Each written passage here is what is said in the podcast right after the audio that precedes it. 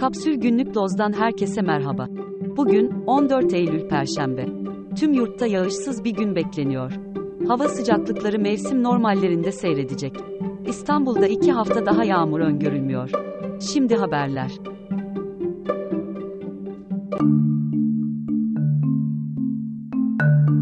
Kredi ve kredi kartında takibe düşenlerin oranı, Temmuz ayında %52 arttı. Türkiye Bankalar Birliği'nin verilerine göre, geçen ay, bireysel kredisini ödeyemeyenlerin sayısı, 78 binden 96 bine, bireysel kredi kartını ödeyemeyenlerin sayısı ise, 100 binden, 114 bine çıktı. Borcunu ödeyemeyerek yasal takibe düşenlerin sayısı da, 180 bine yükseldi. Tasfiye olunacak alacak miktarı ise, önceki yıla göre %26 arttı ve 40 milyar liraya ulaştı. Yıllık kredi kartı üzerinden kredi hacminin %140 civarında arttığını belirten Hazine ve Maliye Bakanı Mehmet Şimşek, kredi kartı kullanımına ve kredilere sınırlama getirileceğini açıklamıştı.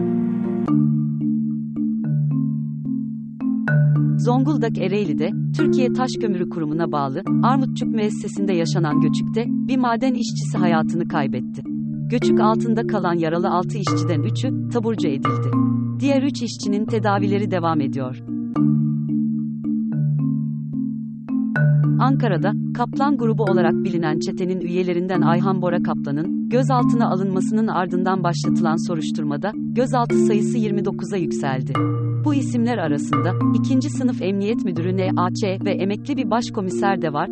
Kaplan ifadesinde, 2018 yılında polis şefi Alp Aslan'ın kendisinden 250 bin dolar rüşvet istediğini öne sürdü. Kadın cinayetlerini durduracağız platformuna açılan kapatma davasında karar açıklandı. Mahkeme davanın reddine karar verdi. Kararı sevinçle karşılayan kadınlar Çağlayan'daki İstanbul Adliyesi önünde sloganlar attı. Platformun verilerine göre davanın başladığı Nisan 2022'den bu yana en az 461 kadın öldürüldü. CHP lideri Kemal Kılıçdaroğlu, İstanbul Büyükşehir Belediyesi Başkanı Ekrem İmamoğlu'nun yerel seçimde CHP'nin İstanbul adayı olduğunu söyledi. Kılıçdaroğlu, seçim ittifakı için ittifak demek güç birliği demektir. Neden demokrasiden yana olanlar ayrışsın yorumunu yaptı. İmamoğlu, yerel seçimde İstanbul ve Ankara dahil tüm illerde aday göstereceklerini söyleyen İyi Parti lideri Meral Akşener'in ittifaka kapıları kapatmadığını savundu. İyi Parti'de yapılan toplantıda, partinin tüm illerde aday çıkarması kararı alındı. İstanbul'da Marmaray projesinin başlamasıyla 2013'te kapatılan tarihi Sirkeci Yedikule tren yolu yaya trafiğine açılıyor. Açılacak iki ray yolundan birini trenler, diğerini de yayalar kullanabilecek. 1872'den bu yana hizmet veren 7.3 kilometrelik hat tarihinde ilk kez yayalara açılmış olacak. Motorinin litre fiyatına 2.06 lira zam geldi. Zammın ardından Ankara'da motorinin litresi 40.52 liraya çıktı. Motorin fiyatları 2023'te %81 artmış oldu. İBB Meclisi'nde yapılan İSKİ Olağan Kurulu'nda suya %25 zam yapıldı. Suya Haziran'da yapılan son zam %13 oranındaydı. 2023 MTV Video Müzik Ödülleri, ABD'nin New Jersey eyaletinde düzenlenen törende sahiplerine verildi.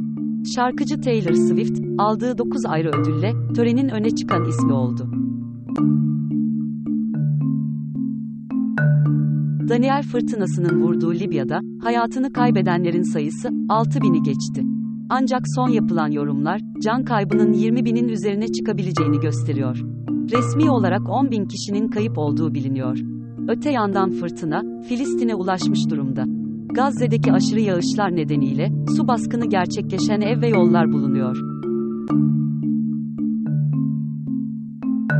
Çin, kamu çalışanlarına, yabancı markalı akıllı telefonlarını, iş için kullanmaları ve ofise götürmelerini yasakladığı yönündeki haberleri yalanladı. Daha fazlası için kapsül.com.tr adresini ziyaret edebilirsiniz.